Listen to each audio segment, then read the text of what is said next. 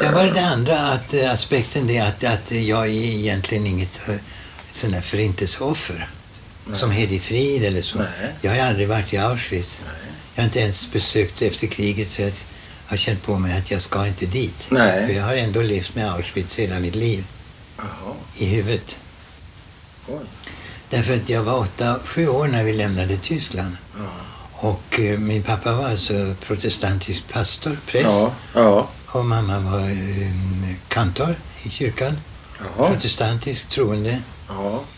Var inte mamma judinna ursprungligen? Ja, vem sa det? Vem säger det? Ja. Jag sa det. Nej, ja, men det är det som Du är har sagt det. obegripligt för mig. va? Då är jag halvjude. Mm. Och enligt judarnas egen syn är jag heljude. Ja. Och, och det är fullständigt befängt för mig. Ja. För, eh, eh, jag kan sympatisera med judarnas öde, men jag själv hör inte dit. Utan, och ändå så hade jag kunnat hamna i Auschwitz. Varför? Därför att först, först så mördades ju eh, så att säga alla judar, judiska familjer, judar. Sen 1900, efter kristallnatten så, så började man eh, att attackera blandäktenskap Mm. där ena parten var Mm. judisk. Och därmed, och, och konstigt nog inte, inte alls vår familj, för att eh, vi lämnade Tyskland i januari Mm. eh, 1939. Ja. Det är efter kristallnatten det. Ja, långt efter. Och, och ett halvår före krigets utbrott. Mm. Och det beror på att, eh, tror jag, att pappa som, som präst i lutherska statskyrkan var lite skyddad. Ja. Därmed hans familj. Jag tror inte att de eh, var så hågade att, att gasa ihjäl tyska präster, Nej. ju, nazisterna. Nej. Och att det, det, på så vis inbillar jag mig att han hade ett visst stöd i ryggen. Och därför dröjde det så länge innan han utvandrade. Ja. Men när utvandringen skedde så var det på inbjudan av en, eh, en svensk här som beredde arbete, Mm. bostad, allting. Det var liksom dukat bord vi kom till. Och eh, det var en legal eh, utvandring helt enkelt. Och vad var droppen? För, din, för dina föräldrar? Ja, säg det. Så långt kom vi aldrig i, i att fråga ut föräldrarna. Nej. Droppen var väl att, att pappa kände att om han inte gjorde det så skulle han hamna i, med, åtminstone, jo han sa en gång, vad var det han sa? Han sa så här, jag em, fick välja mellan att skiljas eller utvandra. Det har jag i min, går den, är den på? Ja, ja, det är på. Ja. Men hur är det nu? Är mamma född av judiska föräldrar? Ja. Okej. Konverterade. Och har De konverterat? Föräldrarna också? Ja, då. Mina, min morfar och mormor, alltså de konverterade i början av seklet. Ja. Vad vet du om dina morföräldrar om vi börjar där? Eh, ja, det var ju... De var ju...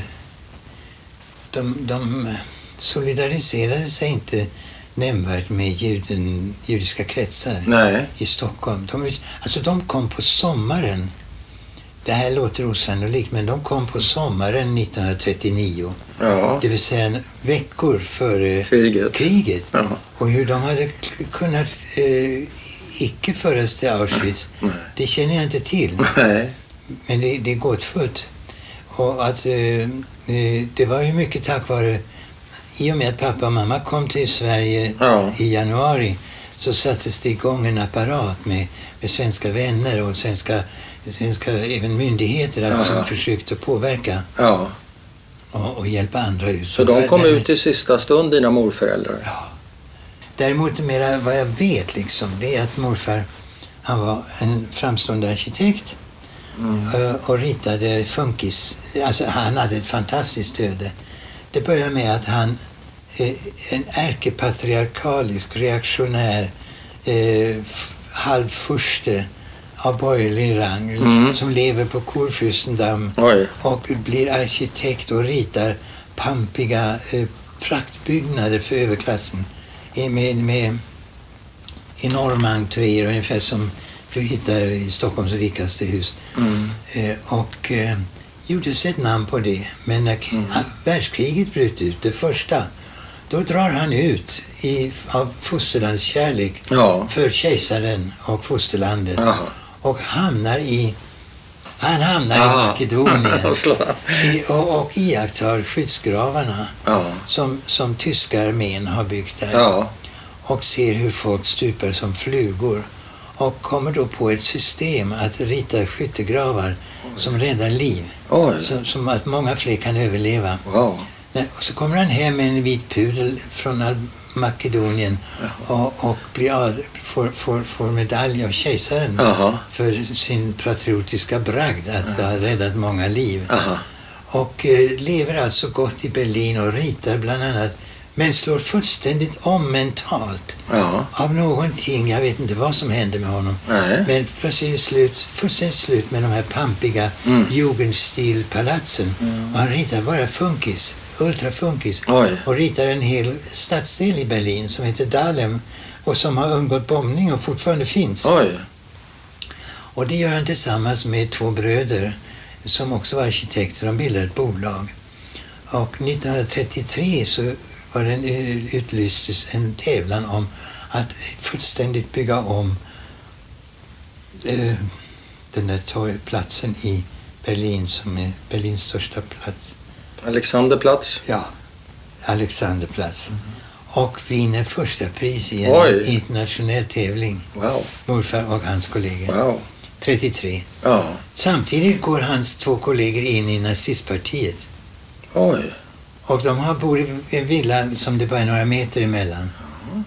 Och, och mellan de två villorna finns en gångstig. Det finns fortfarande. Jaha. Och i slutet av gångstigen är ett kontor som de hade ritat där de satt alla tre då och ritade och, ritade. Och från 33 så kunde de inte växla ett ord längre. Nej. Därför att då bedömde han som judisk. Oj. Men hade de kvar firman efter De hade 33? kvar firman eh, men tal, kunde inte tala med varandra. Så hur det har gått till förstår jag inte. Morfar Nej. jobbade väl inte så mycket då. Nej. Vet du no någonting om bakgrunden till varför de konverterade, mormor och morfar? Eller var det en, var det en, Nej. en tidsanda? Var de en del av den tidsandan så att säga? För det var vanligt bland assimilerade judar att konvertera sig. Inte en aning. Eh, Mitt intresse överhuvudtaget var, var ganska begränsat under hela ungdomstiden och uppväxten. Jag, jag, jag hade hela tiden i bakhuvudet en fasansfull tanke att det, det hade kunnat bli vi syskon Ja. som hamnade i det där utrotningslägret. Auschwitz. Men jag levde i nuet i, i- och fullständigt integrerad i, språkligt och på alla sätt i det svenska ja, samhället. ja, ja. Vi pratade tyska med pappa och mamma vid bordet och privat och så, men, men syskonen oss sinsemellan, vi pratade svenska. ja.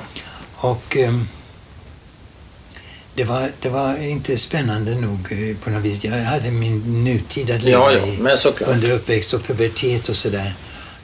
Bara den där tanken fanns att, att i, rimligtvis, logiskt sett, så borde jag ha hamnat i Auschwitz.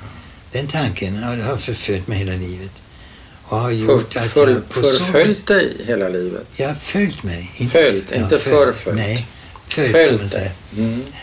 Den tanken har följt mig hela livet som, som, en, som, en, eh, ja, som en närvaro, som en möjlighet. Ja. Men du, jag vill hoppa tillbaka till Alfons och Marianne och jag vill fråga hur många barn de fick.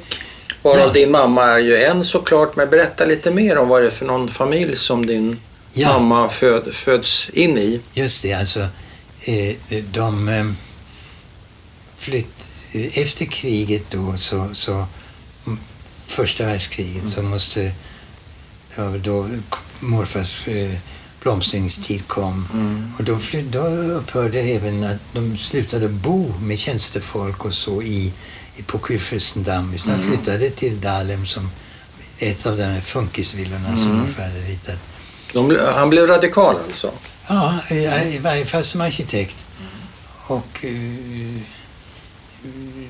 jag har försökt förstå min mors enorma öppenhet, Mm. konstnärliga sinnelag och Mm. musikalitet och allt det där.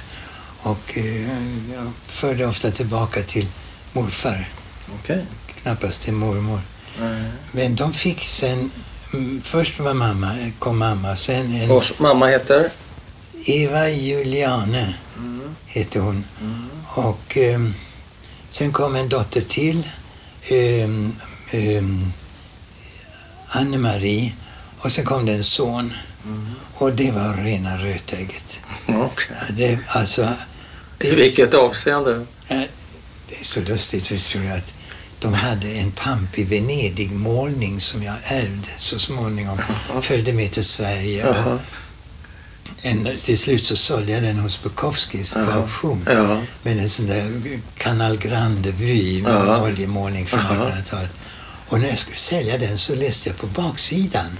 Så står det med, med handskrivet att eh, vi till minne av, eller till, till, till dagen då vi, då vi födde en son som kom till världen för att ge oss lycka. Ja. Eller roa oss, Ja. på någon tysk formulering. Ja. Som var så egotrippad. Jaha. Formuleringen alltså, Ja. att barnet fanns till för dem. Och det, det stämmer bra med den fostran som eh, hans äldre systrar fick. Det, det, var, det var liksom barnkammare med barnjungfru och, och egen matsal. Och, och eh, mamma berättade att på söndagar när mormor anordnade tebjudningar för de fisförnäma damerna i kvarteret, då, då kallades flickorna ner med vita handskar att sitta vid pianot och spela en melodi som de hade lärt sig. Ja. skickades de på Ja. barnkammaren. Det var ungefär den fostran mina Ja. mm, mamma och, och far, moster fick. Men brorsan blev ett pojken- rö- rötägg säger du? Ja, han blev Nämligen? rötägg och det är det mest intressanta ödet. För att han, han revolterade. Han genomskådade alltihopa och kom att hata sina, sina morföräldrar. Och Ja. de kom att hata honom och, och jag, jaga analytiker eller, eller eh, psykologer på honom. Jaha. För att förbättra honom. Han var sjuk tyckte de. Vad sa du? De tyck, uppfattade honom som sjuk. Ja, just det. Ja. Så, så fick man bara inte vara. Nej. Och det drog ju inte länge förrän han drog till Paris Aha. och blev kommunist. Jaha. Och vad, ble, vad blev det av honom min då? underbara franska gren Ja, ja, som ja. sen blev mycket betydelsefull i mitt liv. ja. Och vad, ble, vad blev det av honom, morbror? Ja, han stack till 36 till Spanien och sköts. Ja. Han, han, han var väldigt intelligent Ja. och, och, och, kom, blev mycket snabbt eh, den högsta chefens närmaste man, Ja. sekreterare. Ja. Och som sådan sköts han ganska tidigt i, eh, och låg, ligger i en massgrav i norra Spanien. eh, Oj. Som hans barn sen, eh, mina kusiner, har, har lokaliserat. Jaha, okej. Och, så att Frans hette han. Och han var länge min, min, min idol. För att han, han var radikal och, och modig och stark och sådär. Och eh, tyvärr så har jag aldrig träffat honom. Nej. Naturligtvis. Nej. mm, Och eh, jag föddes 31. Och, och, det där dödsfallet, hur, hur påverkade det hans föräldrar? Vet, man, vet du någonting om det? Hur tog de det? Alltså jag är inte tillförlitlig som källa. Det finns saker som min yngre, fyra år yngre bror Ja. är säkrare på, vet Jaha. bättre. Men jag för mig att de blev kommunister när de satt i, i 20 kvadratmeter etta på Lilla Essingen i Ja, Stockholm ja. och fick, fick se sanningen i, i vitögat, nämligen så kunde livet också vara. Ja. Från palatset i Kurfürstendamm Ja. till en etta på. Lilla Essingen. Och då, Okej. då blev min, jag tror att det, det, det handlade mycket om insikt hos morfar. Han fick börja från fullständigt scratch och, Ja. och göra små servicetjänster hos Hak- Hakon Ahlbergs Ja, ja, arkitektkontor. ja. och- Men han, han eh, Men jag menade själva dödsfallet när pojken dör där Ja. i Spanien. Ja, Hur, ta, hur, på- hur påverkar det? önskar jag visste, men då, då var de ju alltså ännu i Berlin. Ja. Och, Hur, hur, jag träffas, vet inte. hur träffas eh, mamma och pappa? De träffas därför att mamma flydde detta hem så, så tidigt som möjligt, Jaha. det, efter att ha tagit studenten, Ja. för att komma på universitet. Ja. Och då valde hon ett universitet som låg tillräckligt långt bort från Berlin för att föräldrarna inte skulle komma allt för ofta och hälsa på. Nej, okej. Och där träffade de en ung, en ung man 1930, 27 eller något sånt där. Så det var pappa som höll på att bli präst. Ja. Den här familjen upplöstes alltså eh, på något vis Ja, jag har aldrig tänkt tanken men det slår mig nu att man skulle ju kunna se en slags parallell med, med, det, med, det, med det invanda liv, borgerliga livets upplösning Mm. speglad i vår familj Mm. och världsläget som Mm. höll på att upplösas upp och kulminera i krig. Det, var, det hänger ihop på något vis. Så, kan det, så kan det vara. Ja, det kan vara. Jag vet. Men var det överhuvudtaget en fråga för någon av dem när han sen utbildade sig till präst? Hon kommer ändå från en judisk släkt även om hon så att säga inte har vuxit upp som judinna. Var det överhuvudtaget en, det var inget problem nej. på ne, endera sidan? Nej, farfar var fabrikör av tyger. Ja. Jag hade en stor fabrik eh, i Pommern. ja. Hinterpommern som det heter, Ja. ba- bakgrund. Ja, just det. är ungefär där de mest korkade levde. Ungefär som norrlänningar är för skåningar. Oj då. det var lite så man skojade friskt om Ja, Hinterpommern. ja. Men där hade farfar en tygfabrik som Ja. eh, sen under kriget gjorde filtar och strumpor åt soldaterna. Ja. Men då var det en väldigt eh, framgångsrik Ja. eh, fabrik och eh, Och, och han var eh, frisinnad, eller vad det ska var man en säga? stor syskonskara. Pappa hade Ja. många Ja, syskon. ja. Eh, Och eh, i, alla de tog emot mamma Ja. med öppen famn. Det var inga problem? Nej, där fanns eh, en syster, en dotter som hade studerat arkitektur i Moskva och, och Jaha. var väldigt vänster. Och, Ja. och sen fanns det fabrikägarens eh, näst äldsta son som skulle ta över fabriken eftersom Ja. pappa inte var intresserad. Han, han var intresserad av andliga frågor från början. Ja. Och jag kan i parentes berätta att, att han, när jag frågade honom när förstod du vad klockan var slagen i Tyskland? ja. Då sa han, det var på en, ett studiebesök i någon sydtysk stad där i en, på en krog hade Hitler hållit ett tal. Ehm, det här är historia, men det är jag som är okunnig. va? Jag kunde inte säga vilken stad och vilket datum. Men, Ja. men, men eh, eh, jag, kan titta i min biografi om jag har några uppgifter om det. Mhm.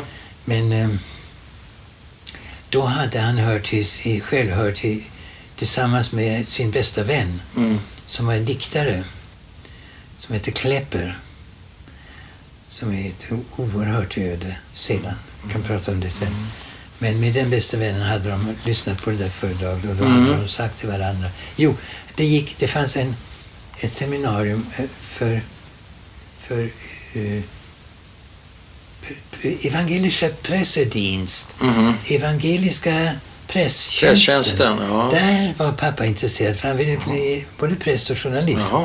Ja, och han var också väldigt intresserad av pedagogiska Ja, frågor och ja. ungdom och så här. Och där hade han träffat den här poeten som hade samma inriktning. Och där hade de konstaterat att det här kommer aldrig gå bra. Nej. Så det var, och det här var 24. Och var närmare... Det är 1924. tidigt. Det är väldigt tidigt. Enormt. Och vad var det som i det han fick höra Hitler Det säga? var så uppenbar fascism och en, Ja. en, en andligt intresserad person kunde inte vara intresserad av fascism. Ja, det, det, Så det förstod han 1924. Det är ju Ja. sjukt tidigt. ja, visst, det var Nordiska motståndsrörelsen Ja, eh, ungefär. ja just det. Ja, precis. Det var, ingen som, det var ingen som tog honom på allvar. Nej, i demokratins namn vet du. Ja. fick man gärna skälla och eh, propagera för demokratins död. ja, precis. I demokratins. Det är vad vi håller på med nu. Ja, det är precis vad vi håller på med nu. Men jag, vad, vad föddes du in i för en familj då?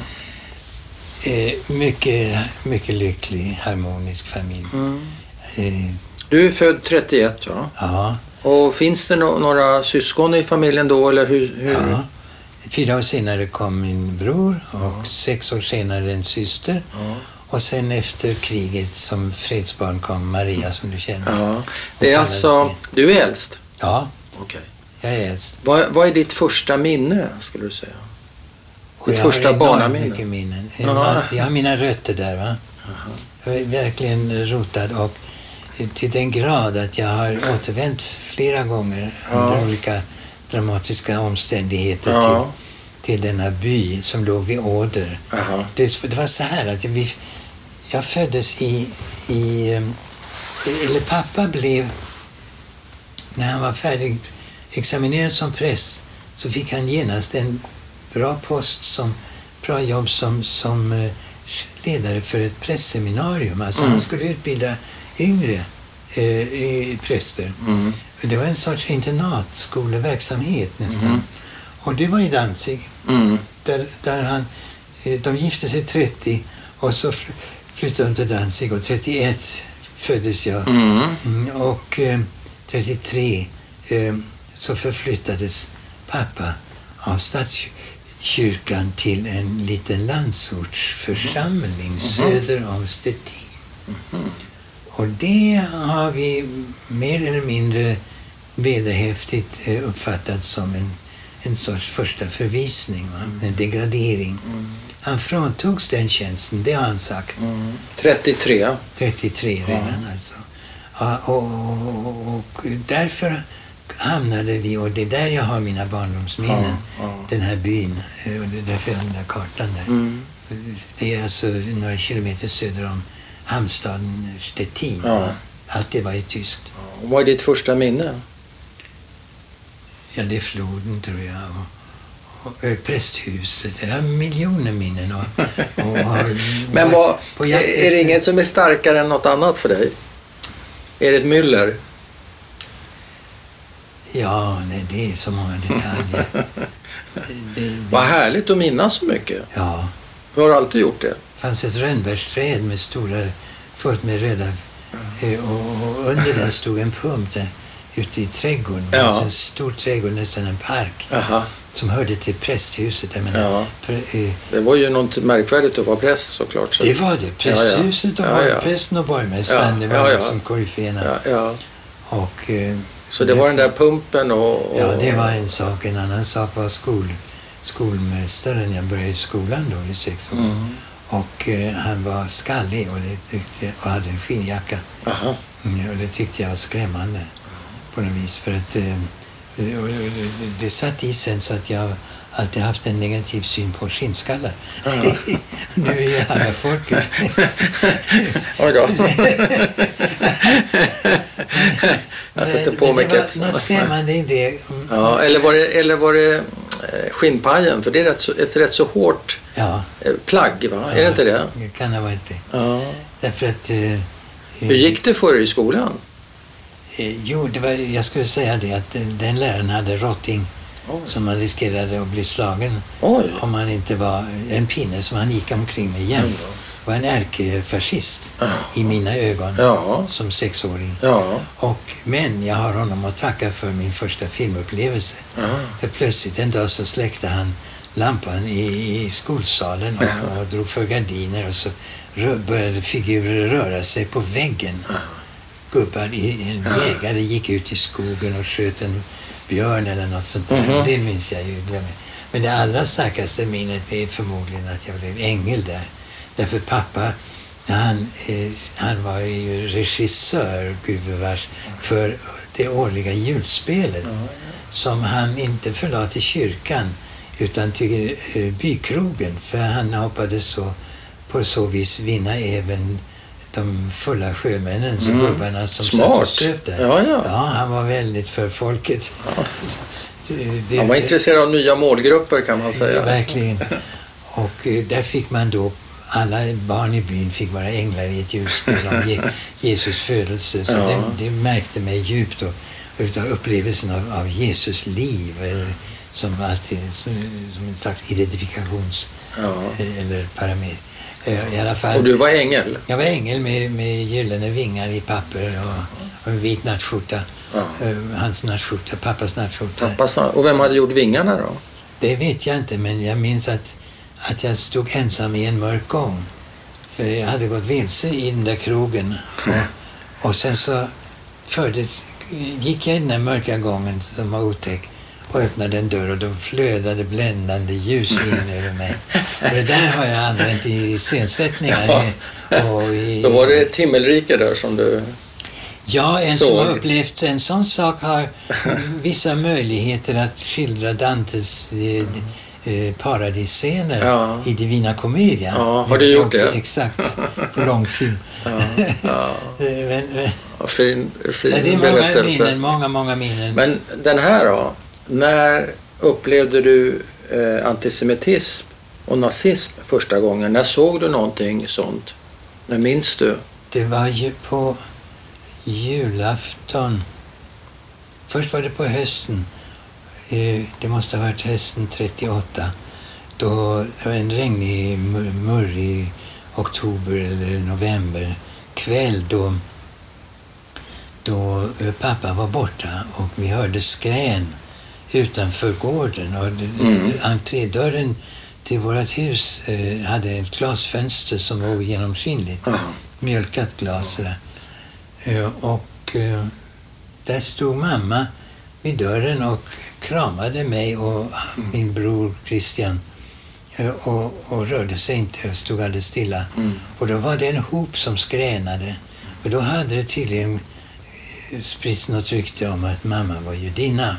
Oj, så de var ute efter henne alltså? Det var därför de var Så där? uppfattade vi det. För varför skulle de annars stå och skräna Och- framför den aktade prästens hus Nej. när prästen var borta? En, det var en, en upplevelse av pöbel. Ja. Eh, Och vad på skrek, vad skrek de? Det vet jag inte. Nej. Glåpord, Ja.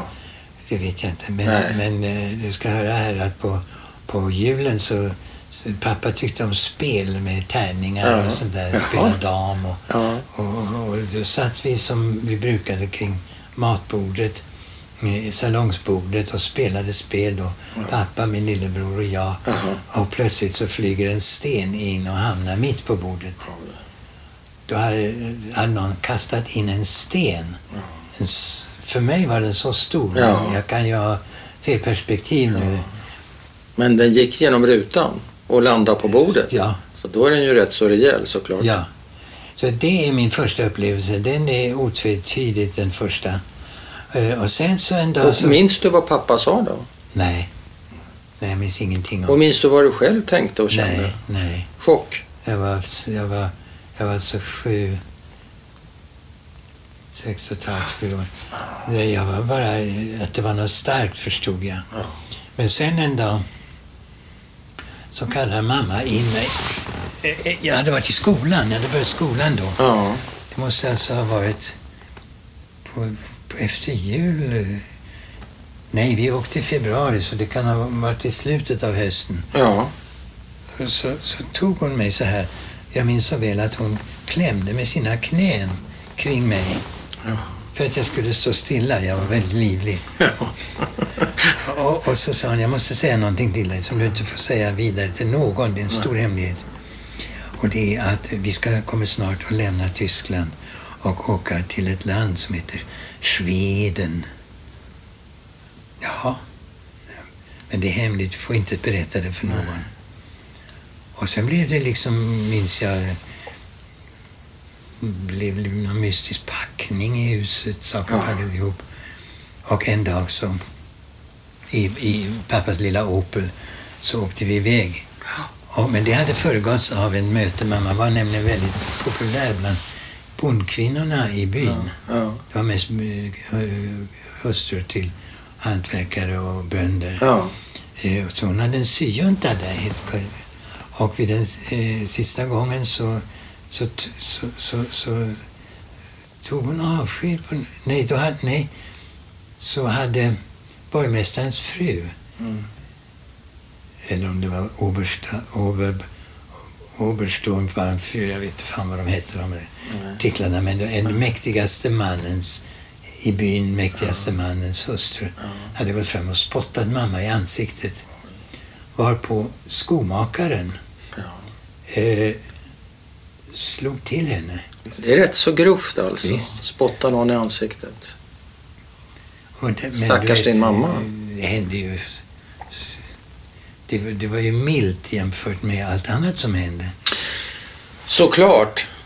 Men de kanske skillnaden kände sig... spottad i ansiktet och bli förgasad. Det är en väldig skillnad. Men de...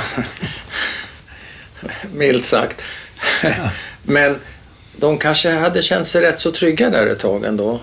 I Jag blev livet. mycket älskade framförallt. Ja. Mycket, mycket omtyckta. Ja. Båda. Det, det var helt såklart. Det märkte jag också när man promenerade till byns skräddare och tog mat för att man skulle få en kostym Ja. uppsydd av byns skräddare. Det var mamma och jag då och alla var så vänliga. Ja. Jo, jo, det var en blandning av, av så att säga, social aktning i, i den sociala Ja, skalan såklart. Ja, men och också verklig eh, uppskattning. Att man är en bra person. Det är ju... ja, ja. Men... Eh, och, Det märktes sedan många år efter kriget ja. att tidigare invånare, alla fördrevs ju. Alla de tyskar Ja. som var, när ryssen kom, vet Ja, ja. fördrevs de ju. Ja. Och blev alltså fattighjon i det som sen blev DDR. Eh, och, och, och de, I många, många år höll pappa kontakt med dem. Och mamma, folk ringde och skrev brev. När, vi, när krigets efterdyningar la sig och man började se klart igen var, var Tyskland låg och, Ja, och var den och den stod då ja. och då. Ja.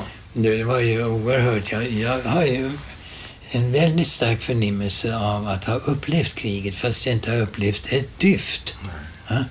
Men bara det att när, när Europa öppnades efter andra världskriget Ja.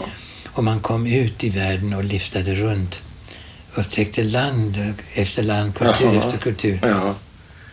Så när man kom till Medelhavet och hörde tyska, då såg jag mig om med en viss skräck. Ja. Och hade de då vitt, var de vithåriga? ja, just det. Det stod gubbar, och det var väldigt vanligt för, för detta soldater som nu hade gift sig och så Mm. reste de med sina Mm. hustrur för att visa var de hade slagits. Ja, just det. Visa saker. sina minnen. Jag ja. hörde, jag minns, jag hörde tyskar så mumla diskret vid Akropolis i Aten. Mm, där har jag minsann varit. Ja. Tyckte du det var obehagligt? Ja, mycket. Jag var misstänksam mot tyskar. Allt som var tyskt. Väldigt, eh, väldigt på min vakt mot allt som var tyskt långt efter. Om det inte hade varit så att jag hade kunnat bli Tyskland-hatare Ja. om det inte hade varit så att mina föräldrar hade ju fantastiska förbindelser och kontakter. Ja. De var, även i den lilla byn, det var inte mer än två timmars tågresa till Berlin. Nej, nej, och okej. där kom och gick folk som om, som hemmet var nästan ett kulturhus. Ja. Det Men var en vad... sån sak som att Ja. dirigenten, världsberömde dirigenten Furtwängler var min gudfar. Oj. Han som beskylldes att ha stannat kvar, han som spelade Ja. musik på Hitlers födelsedag Ja. och sådana där saker. Det var ju helt absurt. Hur kunde han vara gudfar till en halvjude då, Ja. som jag då var i Ja. nazisternas ögon? Ja. Sådana där saker. Och det var det, och den här Klepper, det var en annan, ett annat spår. Är det poeten då? Ja, poeten ja. Alltså, det var, han, han gjorde precis som pappa, han gifte sig med en judinna. Mhm. Och, eh, och hon var eh, också kristet döpt. Han hade två döttrar från ett tidigare äktenskap. Mm. Och den här diktare Klepper, han var alltså jättepopulär. Han sålde bland de mesta i, i Tyskland. Mm. Och eh, även bland höga nazister fanns det, eh, fanns det nazister som höll honom bakom ryggen, som Mm. uppskattade honom som konstnär. Mm. Och han, eh, så fort mina föräldrar hade kommit till Sverige då, så 39, så började de jobba hårt, bland annat med vänner på Svenska beskickningen i Berlin Ja. eh, och eh, i Stockholm här med ända upp till Östen Undén fanns det förbindelse, utrikesminister. Mm. Och på något vis så pågick det en väldig kamp för att den ena dottern fick åka ut till England Mhm. och lever än. Mm. Eh, och kvar var Klepper, hans eh, eh, hustru och yngsta dotter. Mm. Och eh, svensk, Sverige sa blankt nej till att rädda familjen. Då försökte de att rädda bara dottern. Mm. Fick också avslag. Mm. Även dot, bara dottern fick inte komma in i Nej. Sverige.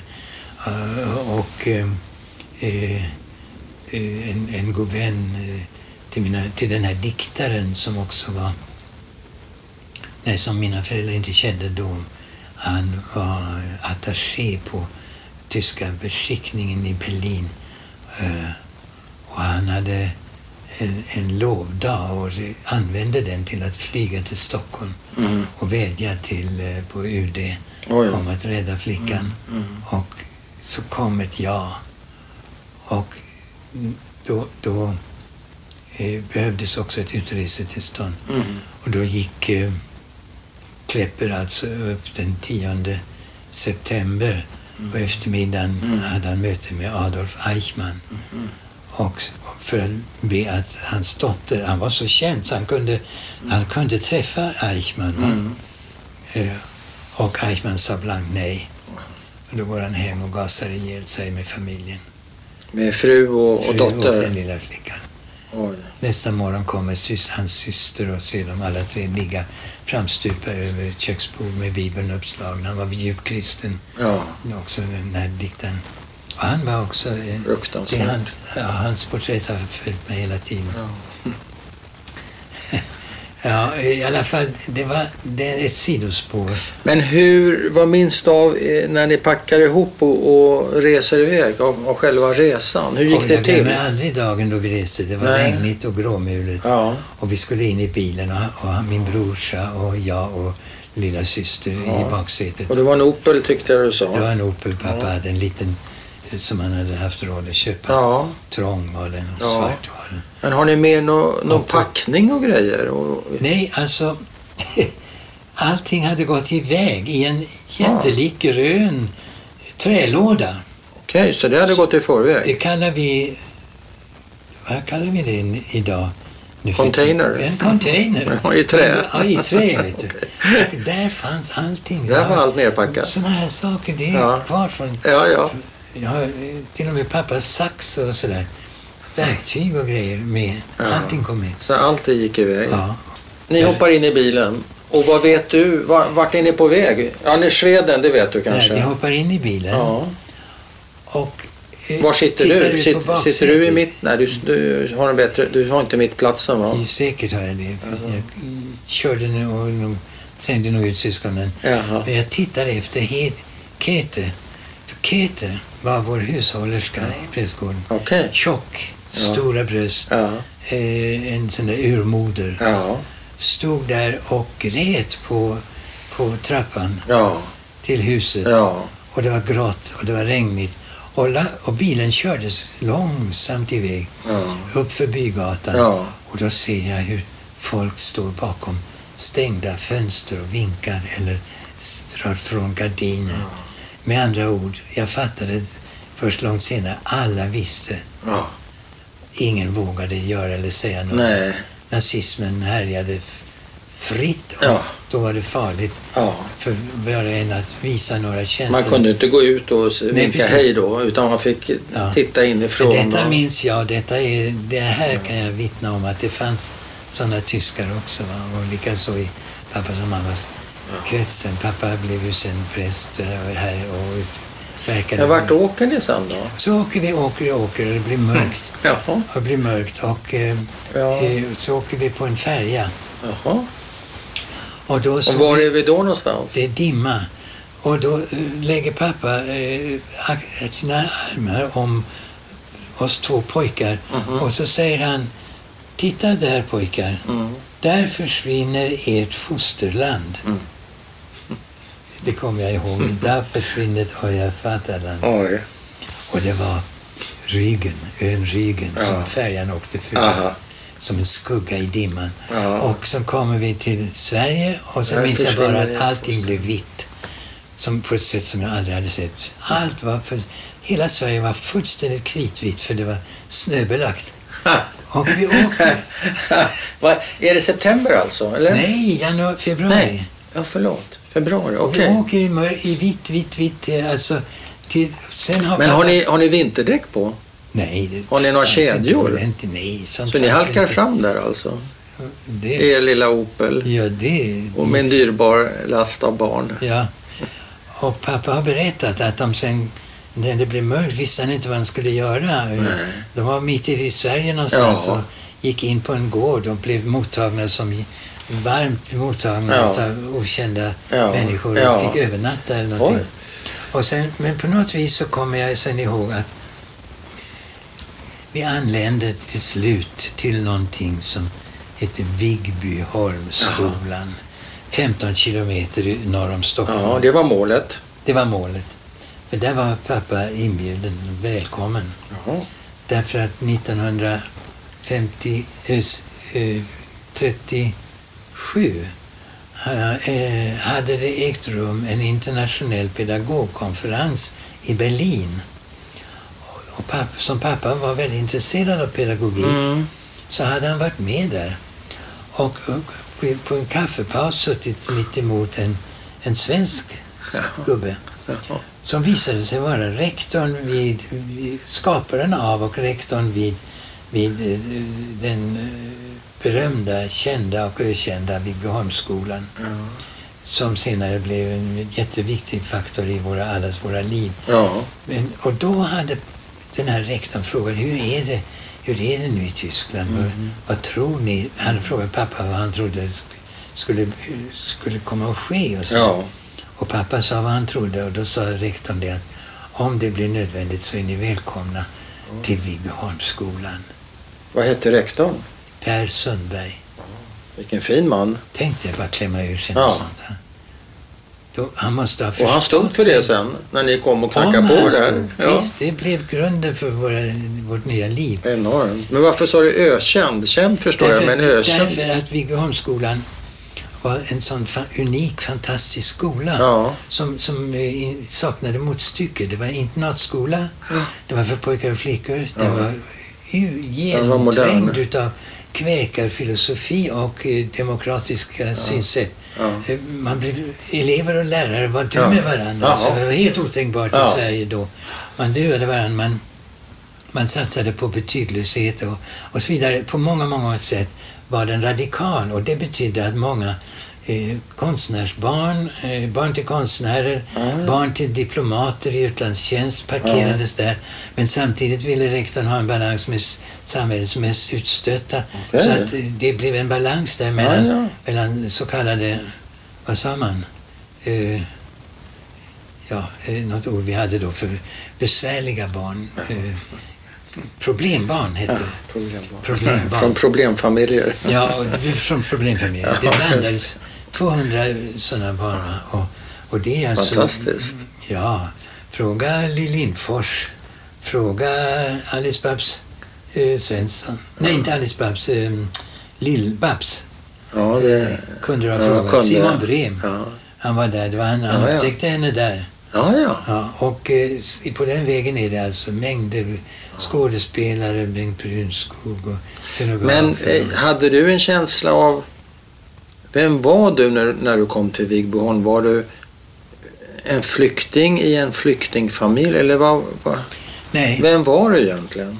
ja, det, det var någon fråga som jag aldrig ställde mig.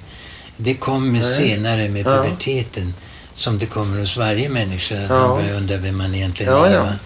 Men då som... Men du uppfattar inte som att vi är, vi är flyktingar? Jo, på det viset att vi, vi behandlades annorlunda. Ja, okej. Vi behandlades eh, med, med eh, det var en annan distans. Vi var inte självklara där.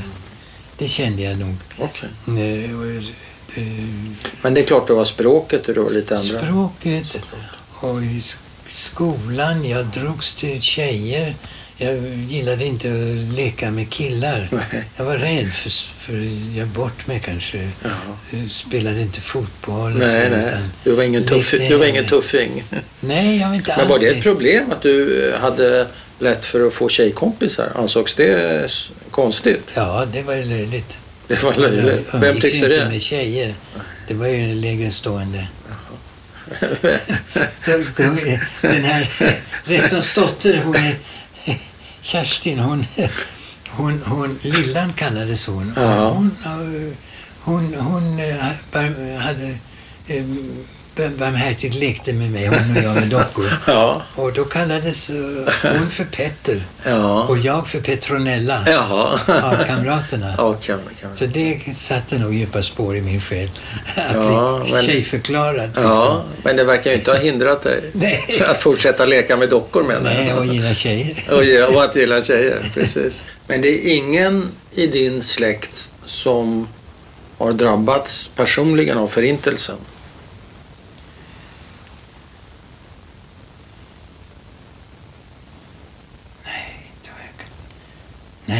vad jag kan komma på. Nej. Avlägset genom mormor förmodligen. Ja, ja, men som du har någon... Eh, ingen som, som finns med i din... blev en person Nej. i mitt medvetande Nej. som skulle ha eh, försvunnit i Auschwitz. Nej. Det är den stora skillnaden mot de så kallade överlevarna. Mm. Att, att jag har ingen som helst sån för... kontakt eller förbindelse. Jag har varit åskådare hela tiden. Men vad, vad betraktar du som då idag? Apropå identitet och, och sådär. Vad, vad är det för... Vem är du? Vad är din identitet? Om du Ja. inte är överlevare. om, Om du inte betraktar dig som överlevare. Jag tycker man kan göra det nämligen. Men du gör ju inte det. ja. Det står ju dig Jo, fritt. på sätt och vis tycker jag också man kan göra Ja. det. För att jag hade kunnat. Exakt. eh, Och ibland har jag sagt mig jag borde ha kunnat. Varför? Oj då, det låter kaxigt. borde ha hamnat där. Ja. Om, de, om nazisterna hade varit skickligare. hade gjort sitt jobb. Men jag menar, Men, din, eh, din, dina föräldrar var ju tvungna... Identitet är, är, är